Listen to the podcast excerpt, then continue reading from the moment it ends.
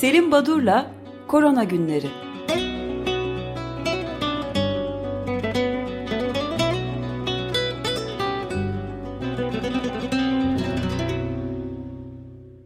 Merhabalar Selim Bey, günaydın. Günaydın, günaydın herkese. Ee, Ömer Bey yok. Evet. Ee, günaydın Selim Bey. Günaydın, günaydın Tuba, günaydın e, Feryal, Özdeş, hepinize günaydın. Herkese iyi haftalar. Ee, uzun bir ara, e, uzun bir ara. E, hem bayram tatili daha sonra hem ülkemizde hem de e, Açık Radyo özelinde yaşanan bütün o e, kötü gelişmeler e, ama hayat devam ediyor ve e, birlikteyiz. Yeni yayın dönemi aynı zamanda. Bundan sonra bugünden itibaren korona günleri artık her hafta değil 15 günde bir olacak. Evet. 15 günde bir pazartesi sabahları yine 8.30'da bir e, ligde olacağız. E, gündemden düşüyor bütün dünyada. E, gerçekten düşmesi mi lazım? E, bunu bize zaman gösterecek. Şimdi neler oldu bu uzun sürede? E, bunları biraz toparlamaya çalıştım. E, bir kere ülkemizde e, Covid pandemisiyle ilgili olarak Tür Covid-19'un sayısal değerleri açıkladığı site üzerinden bir polemik yaşandı. Çünkü Tür Covid-19 ekranlarında aktif vaka sayısı yayınlanıyor Sağlık Bakanlığı'nın sitesi. Burada toplam olgu sayısı işte 15 milyon, iyileşen 14 küsur milyon, ölümler şu kadar. Aktif vaka sayısı yanında şöyle bir ibare vardı eksi 4776. evet çokça çok, tartışıldı bu. Çok tartışıldı anlaşılmadı bu ne anlamsız dedi. Bu tartışılması ve anlamsızlığı e, çok belirgin zaten de benim söylemek istediğim yapılan bu eleştiriler ya bu da olmaz artık bu kadar da denenlere sosyal medya medyadan çok ciddi e, bu e, olmaz denilen e, mesajlara yanıtlar geldi. Örneğin deniyor ki günlük iyileşen ibaresini günlük vakadan çıkartan kişi ya çok cahildir ya art niyetlidir. Ne var bunda bütün bunlar doğru diyorlar.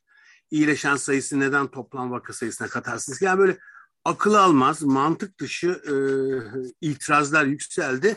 Yükseldi. Yani kim haklı diye baktığınızda bir süre sonra da e, 30 Nisan günü şöyle bir e, sitede duyuru yapıldı.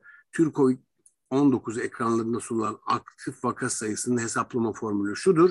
Bu formüle göre aktif vaka sayısı bugün itibariyle eksi 4776 olarak hesaplanmıştır.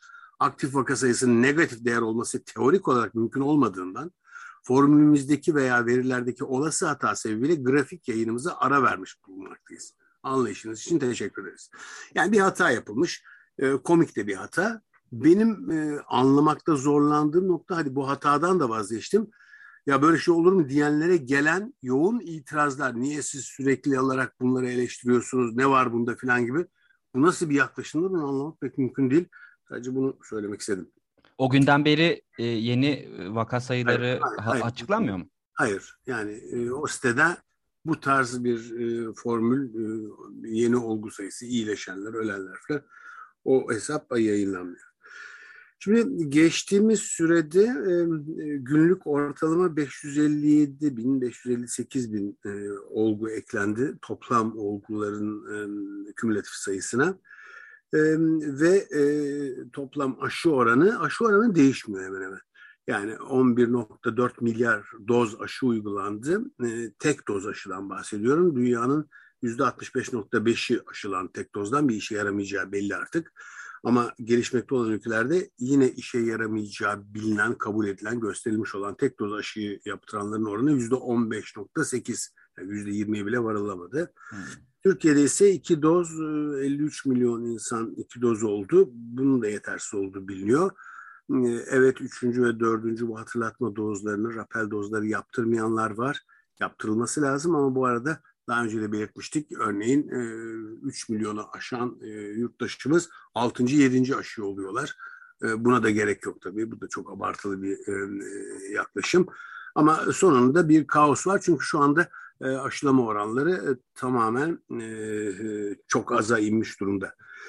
Peki neler oldu? Covid'de geçerken aslında çok önemli bir rapor yayınlandı. Yani benim alalım ama e, sizleri de çok ilgilendirir. Çünkü iklim kriziyle ilgili bir çalışma Nature'da yayınlandı. Evet, Nature'da yayınlandı ve yayınlamayı e, yayını yapanlar Nature'daki 28 Nisan tarihinde yayınlandı. bu yayın yapanlar önemli bir ekip. E, Colin Carson e, ve Gregory Alberi'nin yönettiği bir ekip. Bu ekibin e, Nature'da yayınlanan makalelerinde iklim krizinin 2070 yılına kadar enfeksiyon hastalıkları açısından neler getireceğini, neler götüreceğini hesaplamışlar.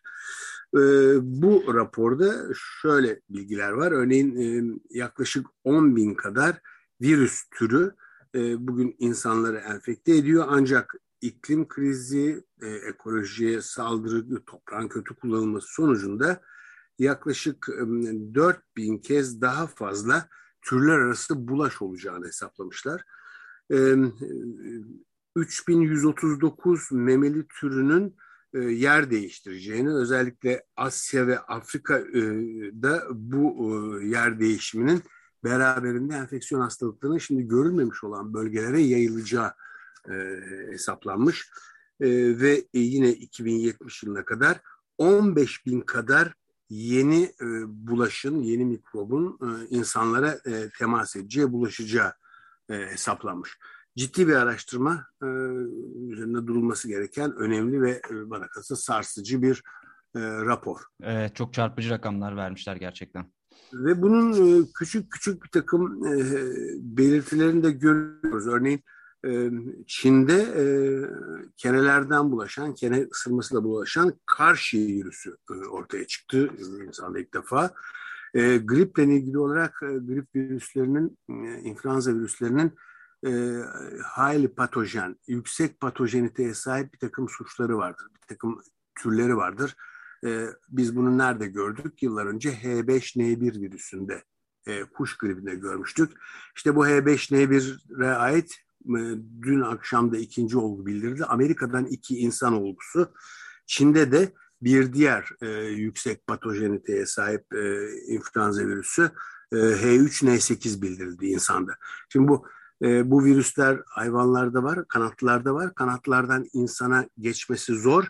Geçtiği zaman insanda çok ölümcül virüsler yani koronavirüs gibi değil, e, hani Ebola gibi neredeyse yüzde ellilere varan bir mortaliteyle seyrediyorlar e, önemli olan insandan insana bulaşma özelliğinde kazanması. Hani bunlar tabii çok kötü e, senaryolar ama e, hiç de e, ihtimal dışı değil. Bunlar olursa eğer e, oldukça e, kötü bir gelişme olur ve bizi çok daha tehlikeli e, enfeksiyonlar, tehlikeli salgınlar bekliyor olacaktır. Önemli bir rapor e, bu da e, Nature'da yayınlandı. Peter Markov e, isimli bir araştırıcı Nature Review of Microbiology'de yayınlandı. Nature'ın bir serisinden bir önemli bir mikrobiyoloji dergisi. Bunda ise e, özellikle ki bu kişi bu Peter Markov e, çeşitli virüslerin evrimini inceleyen ve bu konuda e, çok deneyimli, çok saygın bir bilim insanı. Örneğin hepatit C virüsünün nasıl geliştiğini, e, türler arası nasıl bulaştığını falan anlatmıştır. E, bulmuştur ve incelemiştir. Özür dilerim. Ee, özellikle e, bu e, işte endemik virüse dönüşecek SARS-CoV-2 e, e, ve daha tehlikesiz olacak sıradan bir virüse dönüşecek yaklaşımını çürüten bir makale. E, böyle daha az virülansa sahip bir evrimsel gelişmeyi SARS-CoV için beklemeyin diyen bir yazı. Bu da önemli bir yazı. Nature serisinden çıktı. Şimdi e, salgınla ilgili e, neler olup bitiyor COVID'e odaklanmadan hemen şunu belirteyim. Önemli bir gelişme olmuştu geçtiğimiz günlerde yaklaşık iki, hafta, e, iki ay e, önce. Domuz kalbi nakledilen bir hasta vardı Amerika Birleşik Devletleri'nde. E, özellikle e, genetik olarak modifiye edilmiş domuz kalbi ki insan vücudu e, bu farklı türden gelen kalbi organ naklini reddetmesin diye bu takım işlemlere tabi tutulmuştu. Çok önemli bir bilimsel gelişmeydi. O kişi nak nakledilen kişi yaşamını yitirdi. Özellikle e, virüsün e, domuz nakledilen domuz kalbinde bulunan bir virüsün e, o kişiyi enfekte ettiği ve buradan e, kayıp meydana geldiği bildiriliyor. Organ nakilleriyle ilgili tabii COVID ile de ilgili çalışmalar var. Özellikle akciğer nakli yapılırsa eğer ve kişi COVID taşıyorsa bunun bir risk olduğu biliniyordu ama özellikle e, COVID'li bir kişinin ya da SARS-CoV-2 taşıyan bir kişiden alınacak herhangi bir organın akciğer dışındaki bulaşa yol açmayacağı gösteren çalışmalar yapıyor. Kısacası organ nakillerinden önce vericide yapılan testler arasında herhalde COVID testi de klasikleşip yerini alacaktır. Şimdi önemli bir salgın da e, hemen COVID'e geçeceğim ama Dünya Sağlık Örgütü ve UNICEF'in birlikte yaptığı açıklama hep e, bu programda dile getirmiştik. E, bu pandemi nedeniyle UNICEF özellikle Afrika'da gelişmiş ülkelerde yürüttüğü diğer çocukluk çağı hastalıklara karşı yapılan aşılar, kızamık aşısı, çocuk felci aşısı bunlara ara vermişti. Çünkü e, evden eve gidip e, bu aşılama kampanyası sürdürülürken e, COVID'in bulaşması arttırılacak endişesiyle. Tabii bu kampanyanın durdurulmuş olması neye yol açacak? Bu konuda endişeler vardı ve bu endişeleri haklı çıkaracak bir takım sayısal değerler ortaya çıkmaya başladı. Kızamık hastalığı çok hızlı yayılan bir virüs hastalığı çocuklar arasında. 2022 yılının ilk iki ayında 17 binden fazla olgu saptanmış. E, bu sayı e, 2021'in ilk iki ayında sadece 9 binde. Yüzde 79'luk bir artış var e, aşılama aksadığı için. Afrika için bu artış yüzde 400. Çok çarpıcı artışlar var. Özür dilerim. Tekrar. E, bunun dışında e, Dünya Sağlık Örgütü her dakika e, dünyada 5 yaş altındaki çocuklar arasında sıtmadan bir ölüm meydana geldiğini bildirdi. 2020'de 241 milyon sıtma olgusu 627 bin kişi ölmüş. Ölümlerin %80'i 5 yaş altı çocuklar ve gebeler. Yani e, sonuçta e, bu aslında safra altı Afrika'da olgu ve ölümlerin %95'i gerçekleşiyor ve buradan hareketle aslında sıtmanın 21. yüzyılda e, yoksulların hastalığı olduğu bunun altı çiziliyor. Üstelik yakın zamanda sanırım aşı konusunda da önemli gelişmeler yaşanmıştı. Evet ama e, zıtma aşısı zor bir aşı e, özdeş. Yani mikroorganizmanın işte virüsler, bakteriler, parazitler e, mikroorganizma büyüdükçe yani daha karmaşık bir yapı aldıkça ona karşı aşı hazırlama e, hep güçleşir. Bu eskiden beri bilinen bir e, doğru. Çünkü virüslerin yapısı daha basit e, virüslere karşı başarılı aşılar var. Çocuk felcinde, kızamıkta, hepatitlerde olduğu gibi. Bakteri aşıları biraz daha zor çünkü daha karmaşık bir yapısı var. Parazit iyice karmaşık, daha büyük mikroorganizmalar ve özellikle sıtmanın evrimi sırasında o kadar çok form değiştiriyor ki hangi formuna karşı ne tür aşı hazırlayacaksın? Yani bir sıtma e, parazitini alıp ona aşı yapıyorsun ama başka formları da var insan vücudunda. Yani oldukça karmaşık. Aşı konusunda sıtmaya ait önemli gelişmeler var gerçekten. Ama e, aşının etkinliği yani o e, geliştirilen ve gündeme girdi girecek hatta bazı yerlerde uygulanmaya başladı. O aşının etkinliği yüzde elliler civarında sadece çok yüksek değil. Şimdi e, Dünya e, Sağlık Örgütü COVID ile ilgili bir rapor yayınladı. Biz e, bu bayram arasına girmeden önce Lancet dergisinde çıkan bir yazıda gerçek COVID e, olgularının sayısının e, resmi olarak açıklananlardan daha yüksek olduğunu söylemiştik. Evet. Ama Dünya Sağlık Örgütü bunu teyit eder bir rapor yayınlandı. E, ölü sayısının e, ki bugün için 6 milyon kadar bir ölüm yaşamını yitiren kişi var diyoruz.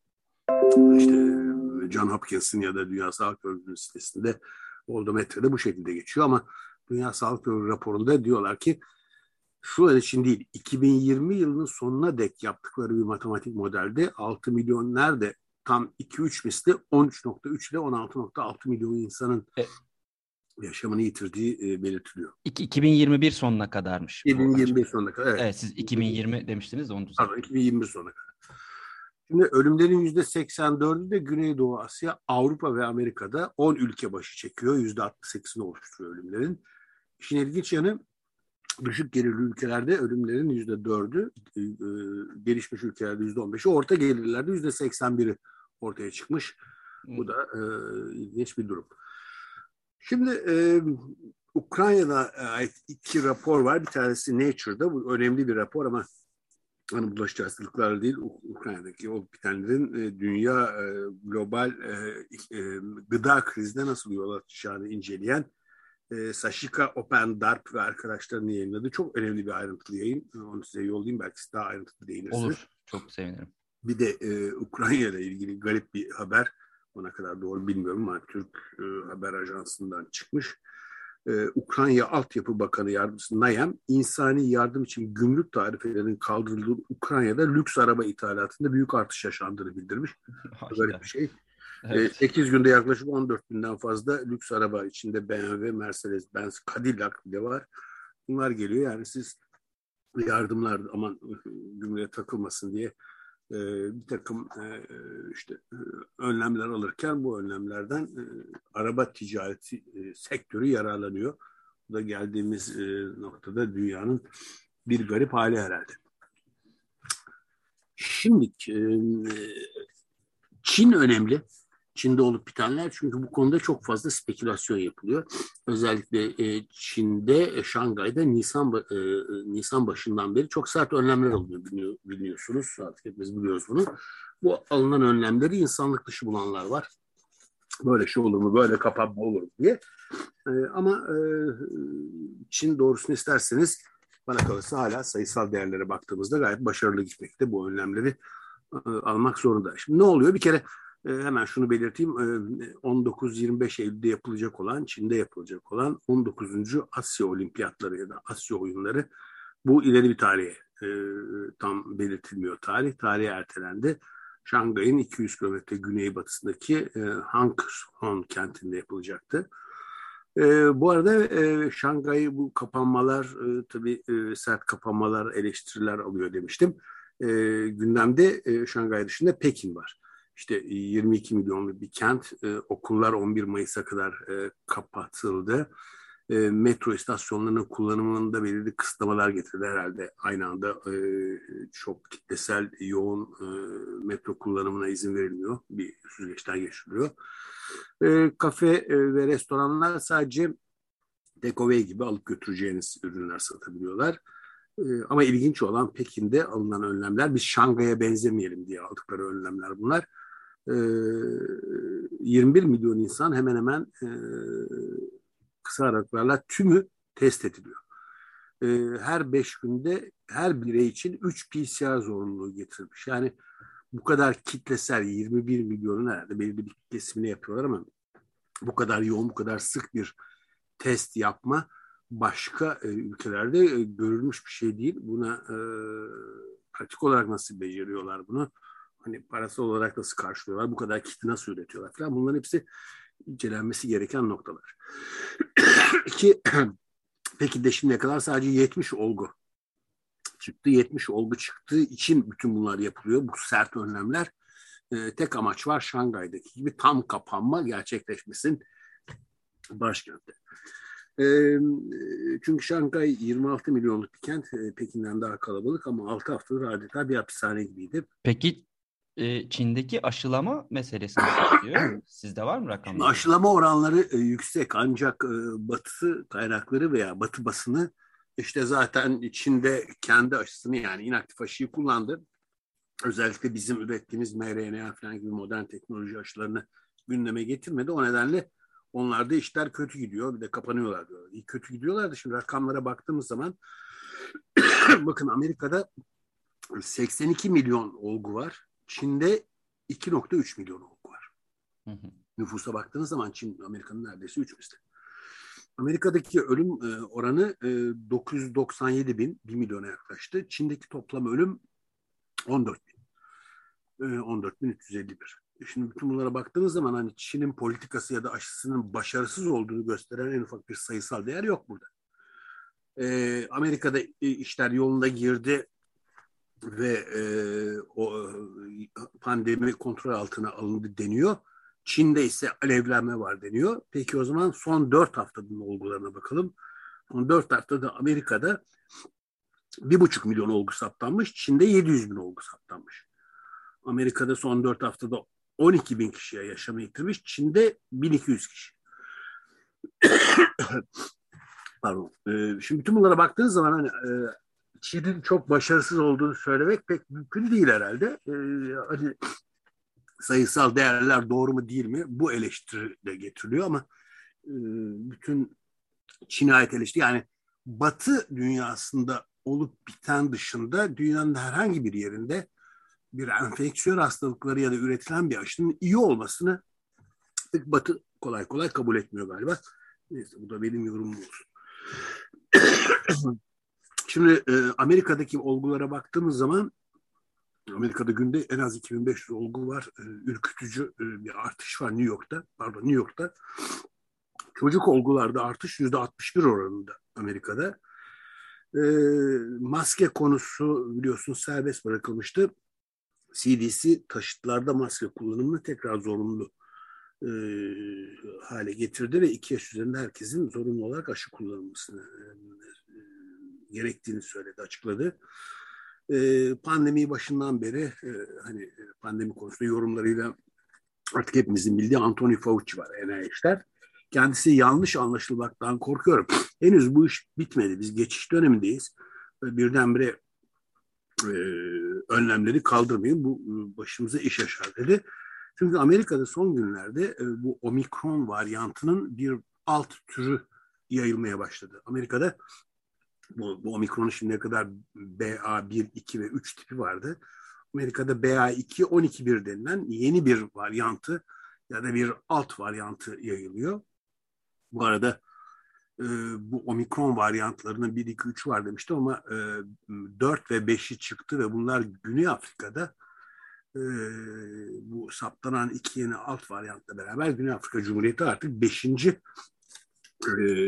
dalgayı yaşamaya başladı deniyor. Yani bu varyantların ortaya çıkışı e, bitmiyor ve e, bu e, e, pandemi, gelişen varyantlar, aşılama oranlarının düşük olması şu anda bütün dünyada izlenmekte olan bu e, önlemlerin e, peyderpey hatta bizde olduğu gibi birden ve aniden kaldırılmasını e, pek haklı kılmayacak şekilde ilerliyor. Hastalık e, Amerika Birleşik Devletleri e, geçtiğimiz hafta sonu e, haftanın sonunda e, FDA liderlerinden e, bir makaleyle karşılaştı. JAMA'da yayınlandı. Toplum her yıl aynı grip aşısı gibi COVID aşısı olması için artık çalışmalar başlatılmış durumda. Demek ki buraya doğru gidiyor. Böylece her sonbaharda Kuzey Yarımküre için böyle başlama gündeme gelecek. Bir de Amerika ile ilgili JAMA'da yayınlanan yeni yayından bahsedip bitireyim. Pandemide artan alkol tüketimi nedeniyle ölümler yüzde 25 artmış. Çok çarpıcı bir sayısal değer. Yüzde 25 gibi bir artış var.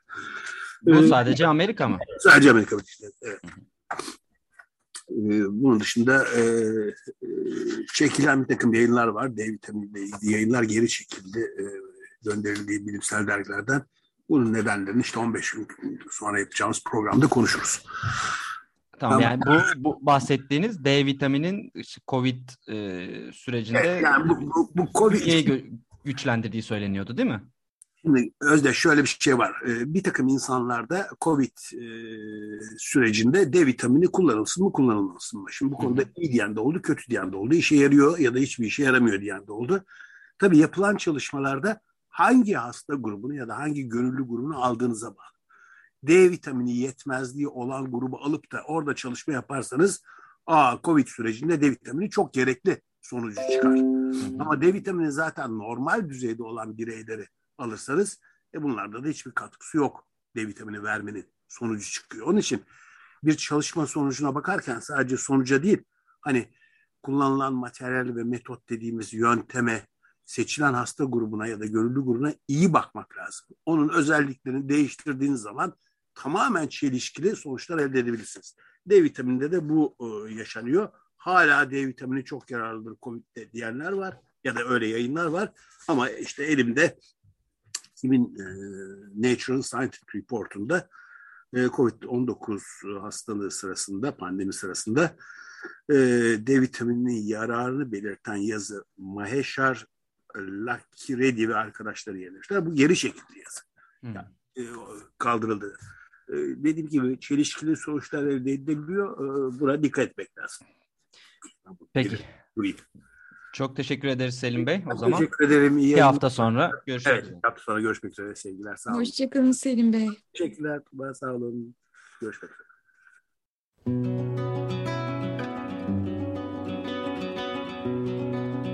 Selim Badur'la Korona Günleri